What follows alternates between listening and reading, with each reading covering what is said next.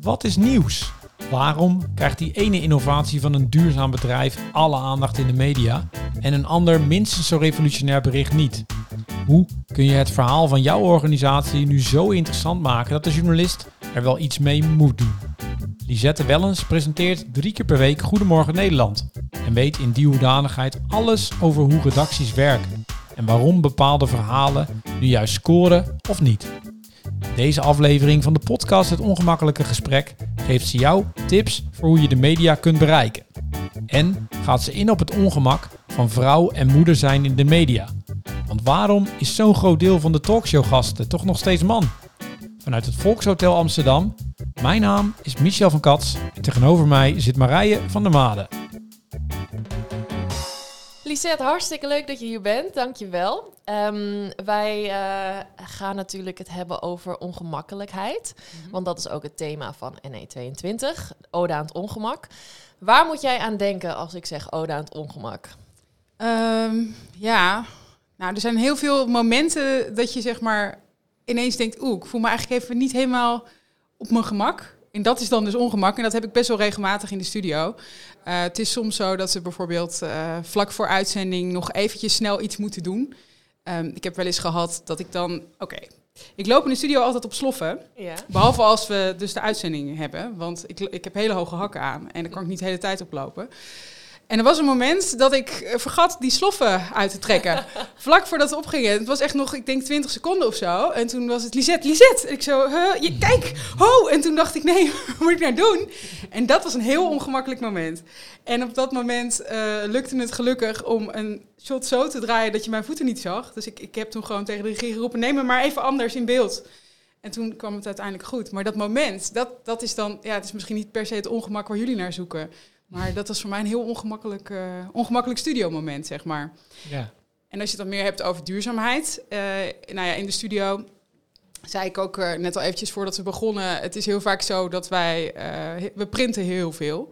En dat is zeg maar, nou ja, de zichtbare verspilling die er bij ons best wel, nou ja, aanwezig is. Veel ja. papier wat weggegooid wordt. En we zijn nu de laatste, ja, ik denk anderhalf jaar steeds meer met tablets gaan doen. Hmm. En dat was wel voor ons een soort van, oh ja, dat is wel echt belangrijk. Want dan sta je helemaal niet bij stil, zeg maar. Dat je gewoon uh, gedachteloos weer op die printknop drukt. En dan komt er weer een halve boom uit. En vervolgens uh, gooi je dat twee uur later weer weg.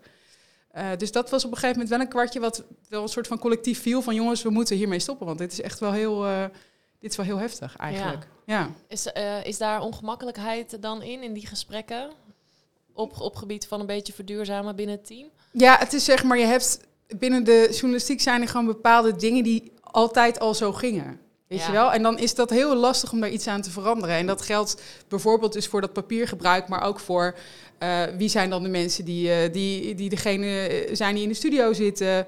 Uh, hoe gaan dingen? En dat ja. zijn dan zulke vaste waarden dat het heel lastig is om dat soms te veranderen. Ja, want de volgende keer dat dus inderdaad een collega een halve boom uitprint, zeg je daar dan iets van? Wordt ja. daar iets over gezegd? Ja, dat is nu wel zo. Jongens, we hebben nu die tablets, hè? Oh ja. Oh ja, oh ja. Weet je wel. Maar toch gebeurt het af en toe nog wel. Dat je dan, ja, ook bijvoorbeeld voor de gasten hebben we s ochtends soms uh, nieuwsartikelen in de kranten waarvan we zeggen, oh, die moeten gasten echt even gelezen hebben voordat we aan de uitzending beginnen. Kun je natuurlijk prima even op je telefoon openen. Ja. Maar dan zijn er ook nog best mensen die zeggen, joh, print even voor die gasten, is makkelijker. Dan hebben ze het op papier. En dan, nee, dan zeggen we, nee jongens, laat ze gewoon even, stuur even dat linkje door. Dan kunnen ze het gewoon even op hun telefoon checken. Weet je, dat soort zijn hele kleine dingen, maar ja, het moet er nog wel wat meer insluiten, zeg maar. Ja. Zit dat in. Um, en, en jij zegt duurzaamheid begint er dus nu langzaam een beetje in te slijten, hè, zeg je? begint, het ook, begint het ook in te slijten in het soort onderwerpen wat je aan het maken bent voor, uh, voor Goedemorgen Nederland? Uh, nou, het is wel door de jaren heen is er wel meer ruimte voor onderwerpen waarvan we misschien een paar jaar geleden zouden hebben gezegd: oh ja, maar dat is echt weer zo'n zo'n groen initiatief. Ja, zo'n klein dingetje. Ja, weet je, er zijn misschien een paar mensen die dat interessant vinden. Terwijl we weten nu dat heel veel Nederlanders dat interessant vinden. Dus dat we daar zeker wat mee moeten. Mhm. En uh, ik merk ook bij mezelf dat dat ook echt iets is wat veel meer in mijn leven speelt. Dus daardoor ga je er ook sneller zelf iets mee doen. Hoe speelt het in je leven? Nou, bijvoorbeeld nu, uh, ik heb nu vijf maanden geleden een dochter gekregen. En het waren, er waren wel echt verschillende momenten waarop ik dacht van oké, hoe gaan we ook zorgen dat zij, zeg maar, bijvoorbeeld qua kleding. Als je het hebt over babykleertjes, dat is echt een van de Nou, dat is eigenlijk ook gewoon puur verspilling. Weet je, een baby past er, past er een paar weken in en groeit er weer uit. En wat gebeurt er vervolgens met die kleding? Nou, 9 van de 10 keer belandt dat ergens op een zolder. Of dat uh, gaat uh, gewoon in de kledingbak. Of, of het wordt gewoon weggegooid. En toen had ik wel echt zoiets van, oké, ik wil zorgen dat ik voor haar gewoon zo min mogelijk nieuw koop. Dus ik heb uh, heel veel gekregen, maar ook heel veel tweedehands gekocht. Uh, je hebt hier een aantal hele leuke kinderkledingwinkels waar ze ook echt al uh, het grote tweedehands collecties hebben vanaf echt maat nul, zeg maar. En daar ben ik echt naartoe gegaan om te zorgen dat ze heeft nu eigenlijk bijna niks nieuws in haar kast. En dat, dat is, was voor mij wel een van de dingen van ik dacht van ja, ik moet daar wel echt bij stilstaan. Hmm. Van, hè, dat, dat ik niet zomaar klakkeloos doe wat het makkelijkst is. Ja. Want het is natuurlijk veel makkelijker om gewoon een winkel in te lopen en er alles te kopen en je bent klaar. vond je dat ongemakkelijk de eerste keer dat je een tweedehands winkel... Uh... Ik vond het heerlijk, want ik draag zelf ook heel veel vintage. Bijna, okay. nou ja, eigenlijk, nou, dit, deze blouse ook.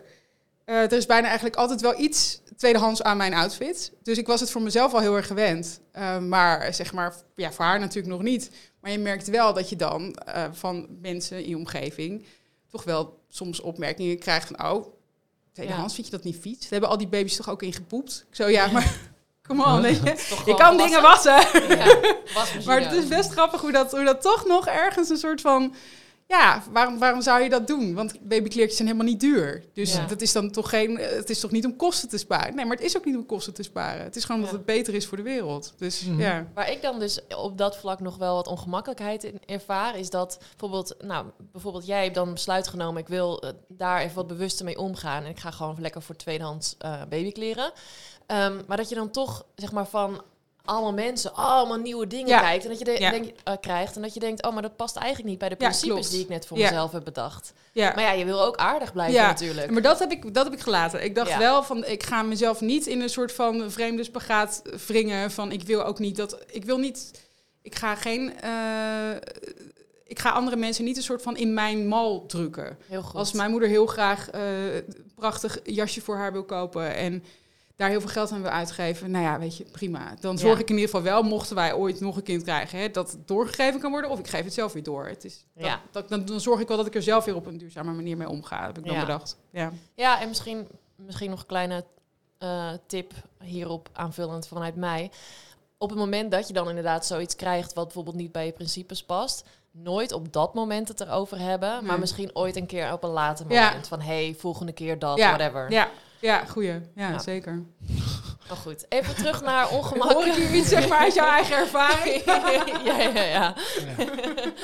nou, maar het is ook bijvoorbeeld met, met vlees eten. Mensen zijn geneigd om dat gesprek te voeren terwijl we uh, in een hamburger happen. Terwijl, dat is niet leuk. Want dan zeg je echt van, oké, jij bent nu slecht bezig. Mm onbewust. Ja. Um, dus dat, uh, dat is nooit het goede moment. Ja. Nee. In, um, jij zegt van oké, we moeten er iets mee hè, als redactie. Uh, jij zelf ook. Je voelt het in je persoonlijke leven. Dus je brengt het ook in, neem ik aan, in redactievergaderingen van is dit een interessant onderwerp? Nou luisteren er, uh, als het goed is, uh, een hele hoop duurzame ondernemers naar deze podcast.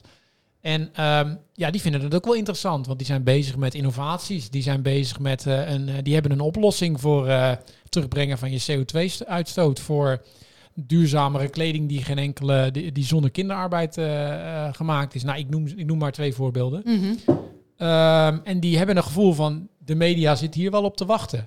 Terwijl dat is niet altijd zo. Um, wat, wat zou jij nou zeggen tegen, die, tegen die, die duurzame bedrijven die het gevoel hebben van mijn verhaal moet verteld worden? Nou, het is vaak altijd wat, wat binnen de media vaak zo is, is dat je op het moment dat iets echt nieuw is, dat je dan denkt, hey, dit is boeiend, dit heb ik nog niet eerder gehoord. En er zijn heel veel bedrijven die eigenlijk iets doen wat anderen ook al doen, of daar een afgeleide van, en die dat dan proberen te pluggen. Maar um, we krijgen heel erg veel soortgelijke uh, berichten eigenlijk. Terwijl al die ondernemers denken stuk voor stuk iets heel origineels te doen. Alleen dat is niet zo. Nee. Dus ik denk dat het eigenlijk het belangrijkste is dat als je een product hebt wat je probeert te verkopen, dat je heel goed bedenkt wat is er uniek aan mijn product. En dat je dat eruit ligt en daarmee de boer op gaat. Dus niet het complete, natuurlijk, het complete verhaal moet ook verteld worden, maar haal er één dingetje uit waarvan jij denkt, ja, maar dit, dit is echt nog niet eerder gedaan. En dat zou, het kan, het kan hem zitten in de, de grondstof die is gebruikt, of in de doelgroep, of weet je, maar het moet iets zijn wat uniek is. Want daardoor denkt, denkt men in de media dan... hé, hey, dat heb ik nog niet eerder gehoord. en als dat gedacht wordt, dan gebeurt er vaak wat mee. En op het moment dat je denkt... oh ja, maar ja, dit hebben we al eerder gehoord... Wordt Ja, niet. de, de, de uitdaging is dan natuurlijk, want wat is dan uniek, hè? Want een ondernemer denkt over zijn eigen innovatie altijd, dit is zo uniek als het maar zijn kan. Ja, maar En- wat we ook heel vaak tegenkomen, wat, wat mij heel vaak opvalt, is dat ondernemers vaak niet eens zelf even googlen Hm. naar wat is er al eerder over gezegd. Weet je? Ja. En, en op het moment dat je googelt en je komt erachter, oh, er zijn al heel veel andere bedrijven die het soort gelijks hebben gedaan, bedenk dan wat maakt mijn product anders. Ja, En dat, zeg maar echt gewoon de basisdingen, die ontbreken vaak. En persberichten die we binnenkrijgen zijn vaak ook heel wollig, heel lang, niet geschikt voor de doelgroep die wij proberen te bereiken, of die hè, een NOS probeert te bereiken, of die een RTL probeert te bereiken.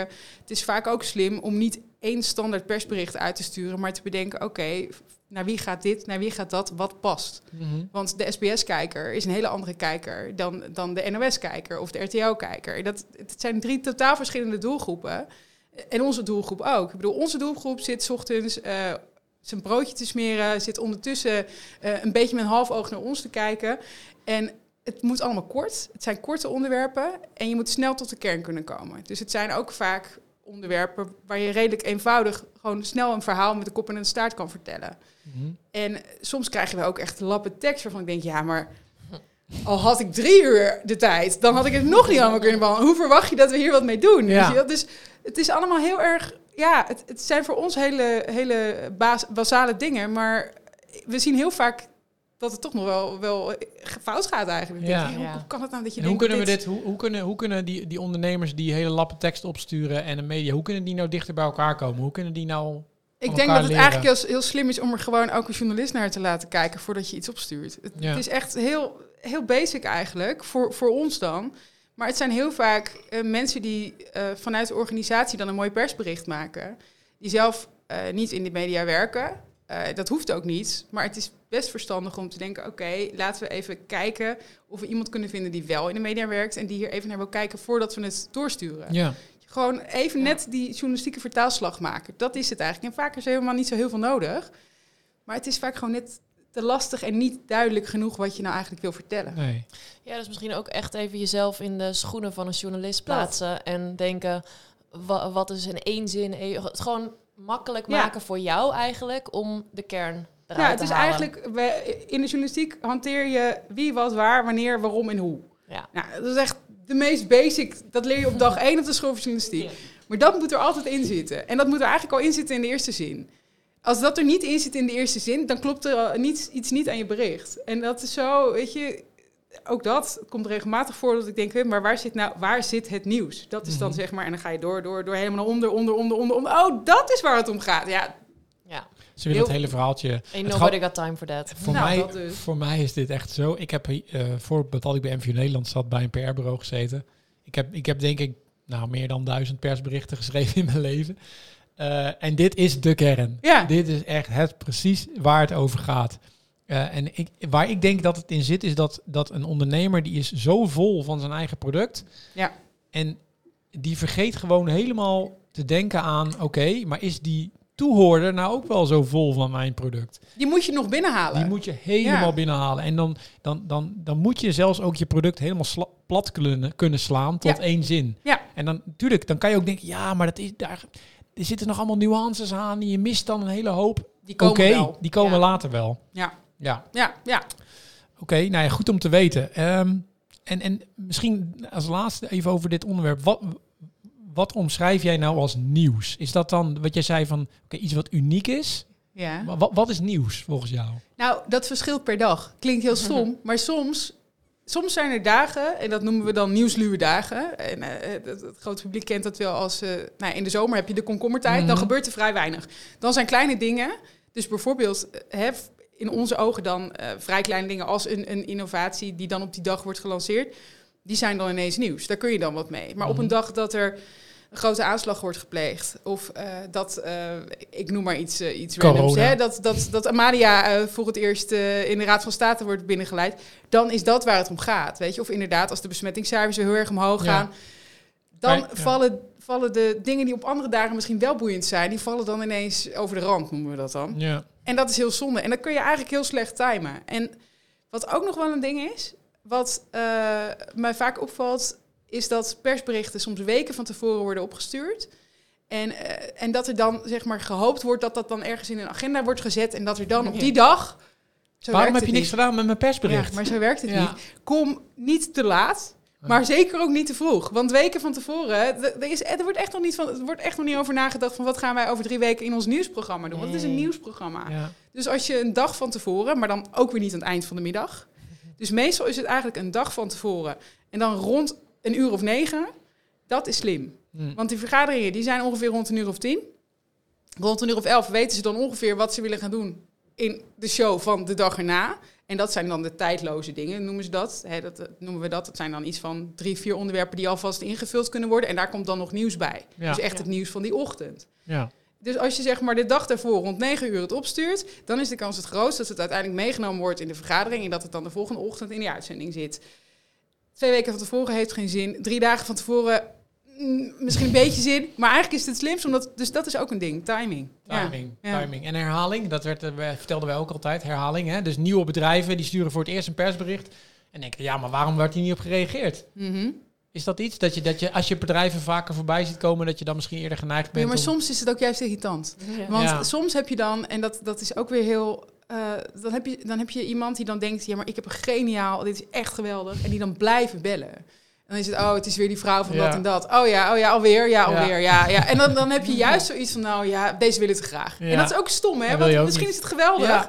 Maar dan krijg je, de, dan krijg je de, de irritatie van, oh, dan hebben we die vrouw weer. Terwijl, of die man. Terwijl het is eigenlijk gewoon, hè, je wil het gewoon heel, omdat je zo'n mooi product hebt. Dus Het is echt Ja. grappig, want dit is ook eigenlijk gewoon ongemak. Dit gaat ook over mensen met elkaar. Ja. Ja. Het menselijke aspect Ja. wordt soms misschien vanuit de inhoud mhm. eh, nou, niet vergeten, maar er wordt in ieder geval te weinig over nagedacht. ja, klopt. Ja, Ja. absoluut. Ja, nee, dus timing zou ik zeggen, dat is ook echt een belangrijk. En wat ook altijd heel handig is, is als je iemand kent binnen een nieuwsorganisatie hè, die er werkt op Mhm. een redactie, om dat bericht dan even daar, joh, stuur even een appje van, hey, ik heb echt die schools en eh, kijk even of je er, misschien kan je er wat mee. Ja, Gewoon heel vrijblijvend, niet van ik wil heel graag dat. Nee, gewoon joh, misschien is het wel wat voor jullie. precies. En dat helpt ook altijd. Dus ja.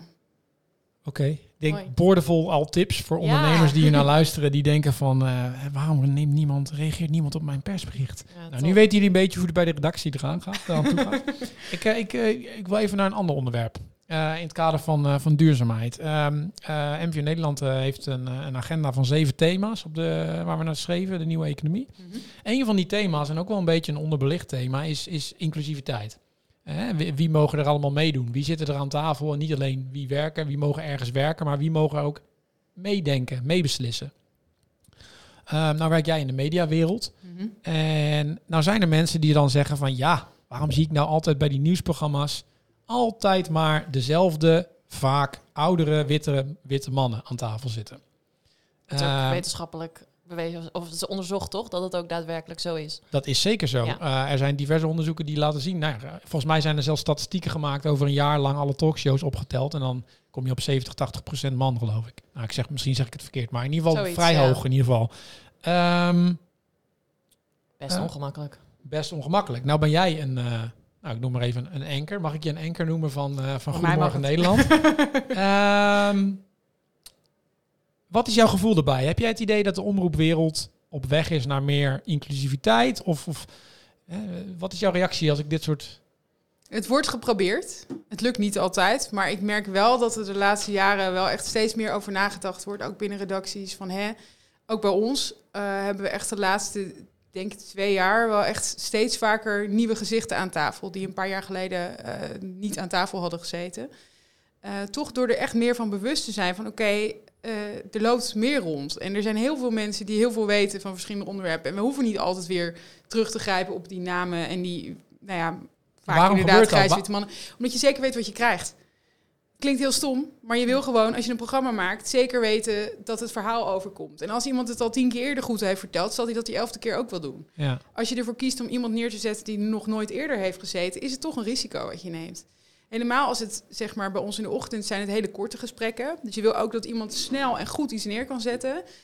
En als je dan denkt, nou, we gaan het proberen en je weet niet zeker of het gaat lukken, dat voelt gewoon, ja, dat is dan toch lastiger. Mm. Ook voor ons, hè, als presentatoren. Ik vind het juist altijd heel leuk om mensen aan tafel te hebben die ik nog niet eerder heb gesproken. Maar je weet wel, oké, soms is dat gewoon wat meer werken. ja. Klinkt Ja. Dat, ja, je moet soms echt even bedenken, oké, van tevoren alles heel uitgebreid uitleggen. Van hè, het zijn korte gesprekken, ik stel een korte vraag. Dan probeer meteen tot de kern te komen.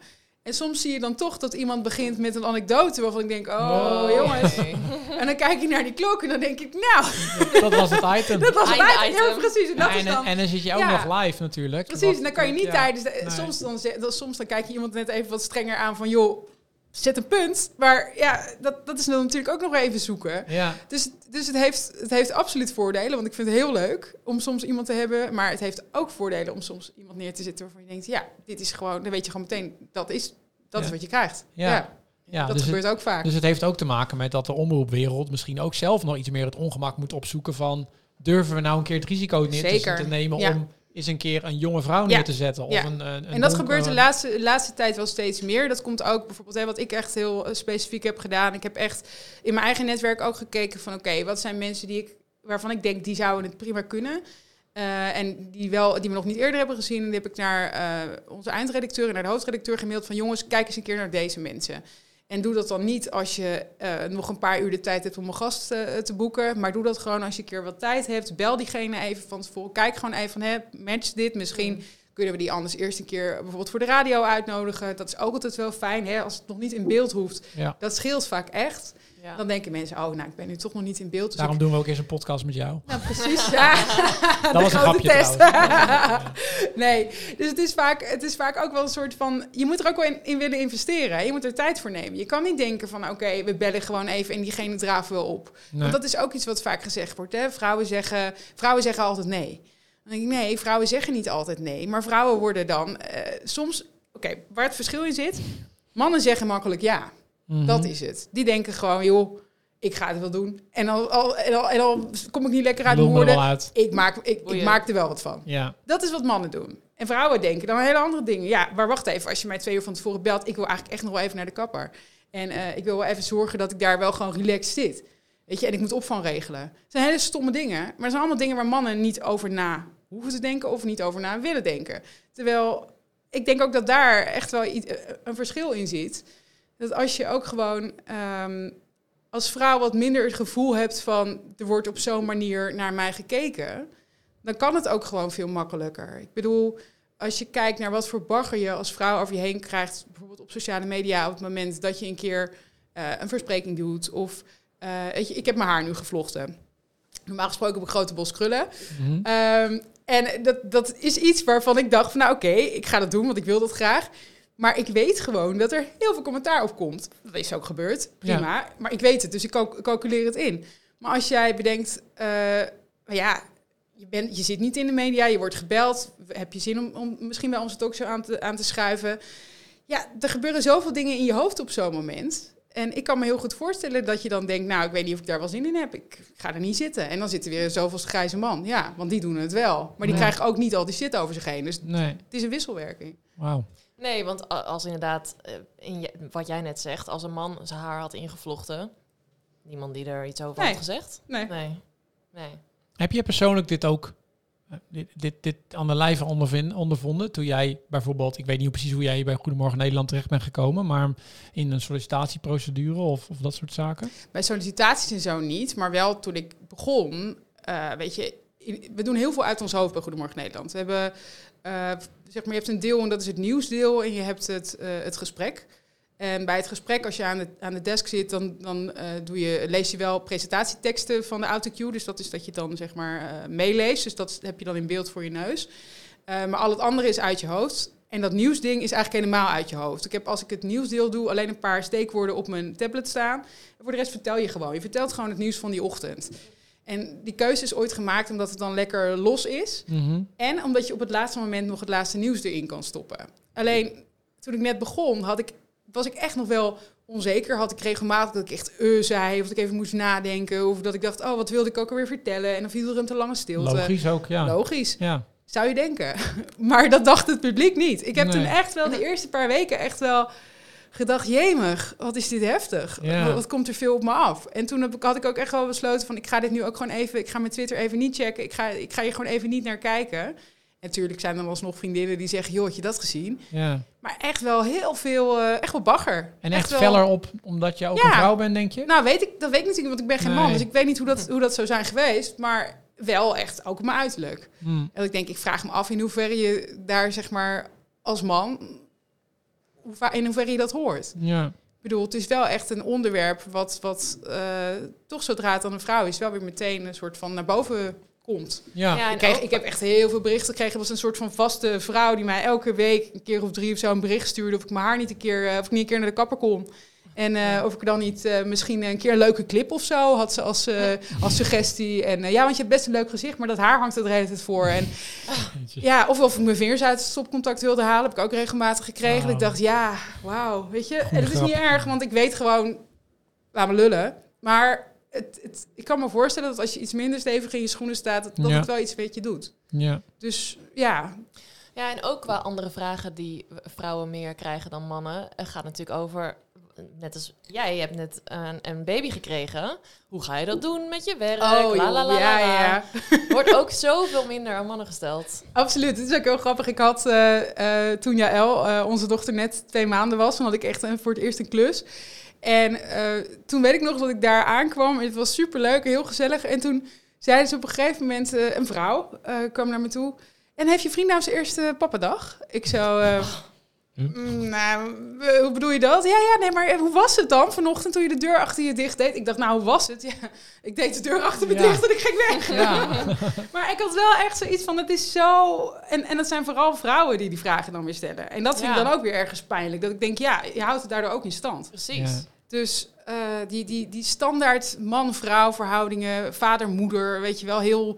Eigenlijk is dat nog heel erg eh, terug naar, naar de jaren eh 60 van hè, de vrouw die, die is thuis en de man die werkt. En op het moment dat dat dan even anders in elkaar zit, dan worden er toch vragen gesteld. Maar hoe was dat dan? En moest je, ik heb zelfs gevraagd, moest je huilen? Ik dacht, nou nee. Ja. ik, ik ging gewoon, ik vond het heerlijk. Ik dacht, hé, ja, lekker, ik kan weer even werken. En ik, eh, ik hoef me ook even niet bezig te houden met voedingen en dat soort dingen. Ik ben nu gewoon even weer alleen mezelf, weet je wel. En niet, niet, ja, natuurlijk ben ik nog steeds moeder. Maar op dat moment gewoon weer even lekker focussen op Tuurlijk. gewoon wat ik normaal gesproken doe. Dus, maar jij hebt ja. daar natuurlijk dus zelf andersom ook weer een grote rol in. Want jij stelt ook constant vragen aan mensen. Ben je daar bewust mee bezig met... Oeh, heb ik nu niet een bepaald vooroordeel hierin verwerkt? Of Heel, ja. Daar ben ik me wel echt heel erg bewust van. Misschien juist wel omdat ik zelf vrouw ben, een kleurtje heb, moeder ben. Het zijn allemaal dingen waar je eh, vanaf de andere kant vragen over krijgt. En ik ben me er wel echt heel erg van bewust. Ja, absoluut. Ik merk ook dat nu tijdens dit gesprek met jullie... Ik heb het heel erg over eh, man, vrouw, Ja. mannen dit, mannen dat. Dan denk ik, ja, maar er zijn natuurlijk nog allerlei eh, uitzonderingen, men, mengvormen, andere Tuurlijk, relaties, ja. man-vrouw rela- relaties die bestaan uit twee mannen, twee vrouwen of, of iets heel anders. Die sla ik nu ook allemaal een beetje over. En dat vind ik eigenlijk heel vervelend, want ik merk zelf ook, ik denk, wacht even, ik wil ook wel inclusief praten. Dus Ja. ik ben me er absoluut van Ja, bewust. ja. Ja, ook nu. echt precies hetzelfde Ja. inderdaad. En dan is de afweging van ja, wil je dat, moet je dat iedere keer uitleggen? Het is toch media, gaat snel. Wil je dat inderdaad in die korte items elke keer aanpakken? Gender is een spectrum. Eh, er bestaat niet man, vrouw per se. Ik ben het daar echt helemaal mee eens inderdaad. Mhm. En toch inderdaad merk ik nu ook in dit gesprek... ja, het is wel makkelijk omdat... of je moet eigenlijk dat altijd wel even plat slaan. Ja. Maar dat, ja, hoe, hoe, hoe pak je Ja, dat dat aan? is een wel een moeilijke balans, denk ik. Ja. Zeker, maar ik merk het nu ook, weet je wel. Want je- je praat natuurlijk ook vanuit jezelf. En ik ben zelf een hetero vrouw. Dus ja, dan, dan is dat ook automatisch je kader. Ja. Dus je, Ja. En ook mijn ervaringen die ik dan heb met dan in dit geval mannen... dat is dan ook weer gebaseerd op... zij zien mij als hetero vrouw. Dus wat zij tegen mij zeggen is ook daar, eh, hè, komt ook daaruit. Dus het is, heel, het is heel lastig. Ik vind het echt heel lastig. Ja, Ja. absoluut. Ja. En, en oké, maar en wat zou je nou... eh, eh, En dan, mag ik, dan ga ik ook bijna generaliseren, man, vrouw. ja, Eh, Oké, nou laat ik, laat ik het dan zo zeggen. Stel er zijn... eh, ehm, want we begonnen met dit, dit, dit onderwerpje even over man-vrouw verhouding aan tafel. En dat is Mhm. toch iets wat wel zichtbaar is aan tafel. Mhm, mhm. Er was een onderzoek geweest dat in België was een publieke, een publieke omroep had. eh, die zei dat ze bij vrouwen altijd eerst tien vrouwen moeten bellen. Voordat er eentje ja zegt. En bij een man, dat zei jij eerder al. Stel nou dat, dat die vrouwen hè, die misschien zich ja, daar nee op zouden zeggen. Wat zou nou jouw tip zijn aan hen? Als we dat. Doe het, sowieso. Het was grappig, want ik, eh, ik heb een tijdje geleden meegedaan aan De Slimste Mens. En dat was precies zo'nzelfde ding. Want eh, ik, ik werd gebeld en ik dacht, ja... Ik heb toen wel even gedacht, wil ik dit? Durf ik dit? En toen was mijn eerste gedachte, natuurlijk, ik ga dit gewoon doen. Maar niet uit Mhm. hoe ik het doe, ik ga dit doen. Want Ja. ik ga daar gewoon zitten. Want ik vind dat vrouwen, juist vrouwen, daar moeten gaan zitten. Ja. Ehm, en ik merkte dat die redactie heel opgelucht was dat ik het deed. Want inderdaad, zij hebben heel vaak pro- problemen tussen aanhalingstekens om vrouwen te krijgen. Want mannen zeggen veel sneller ja. Die denken, joh, ja, ja, leuk quizje.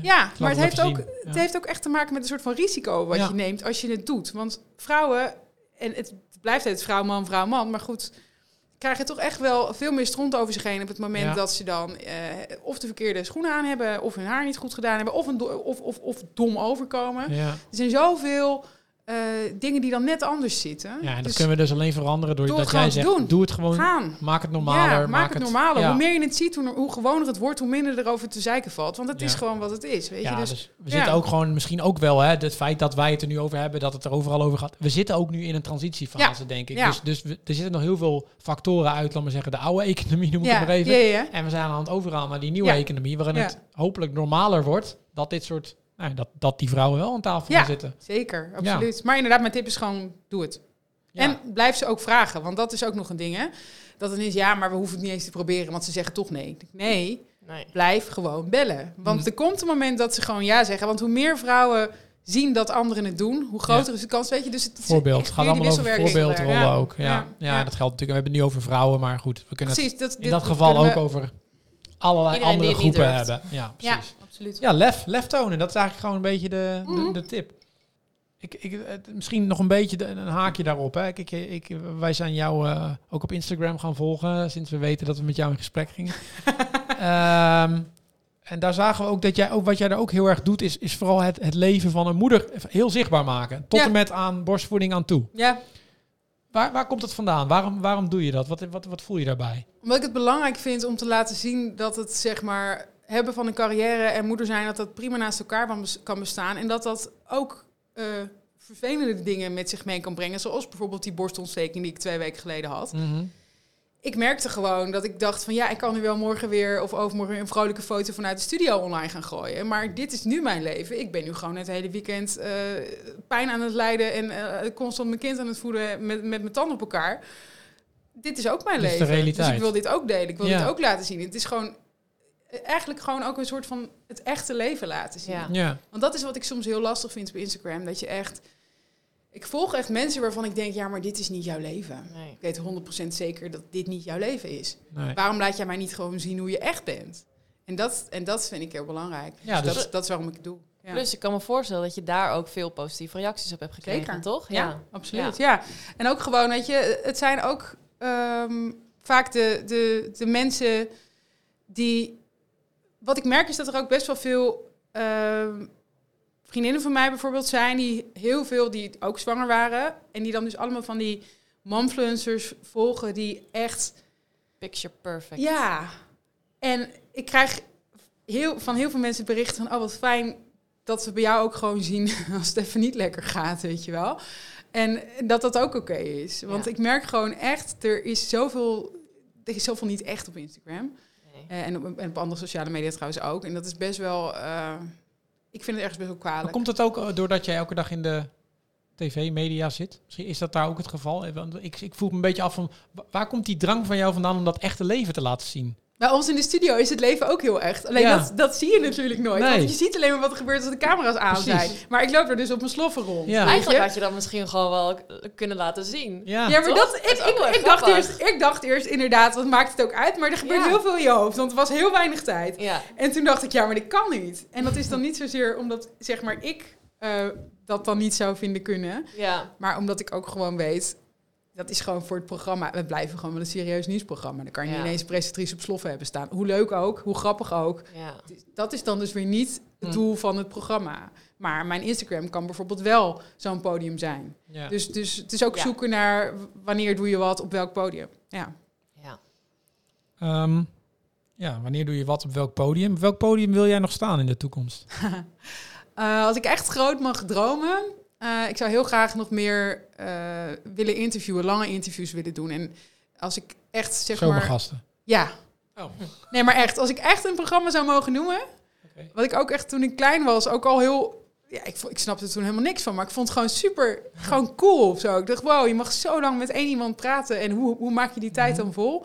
Maar vooral ook gewoon, eh, zoals ik nu ook hier met jullie zit te praten, dat je eigenlijk gewoon eh, een beetje de, de psyche achter de persoon ontdekt, Ja, gaandeweg. ja. Dat vind ik het allerleukst. En eh, wat langere gesprekken zou ik heel graag eh, meer willen gaan Nou, voeren. misschien moet Ja. je ook iets met podcasten gaan doen of Ja. op de radio. Jullie hebben op de radio? Ik heb een tijdje wat op de radio gedaan, eh, maar er, er schuift van alles in Hilversum. En dat was eh, bij, onze, bij onze omroep uiteindelijk ook het geval. Dat was super jammer. Hmm. Dus dat doen we nu niet meer. Dat deden alle presentatrices naast, naast Goedemorgen Nederland. Hadden we ook een uh, radioprogramma.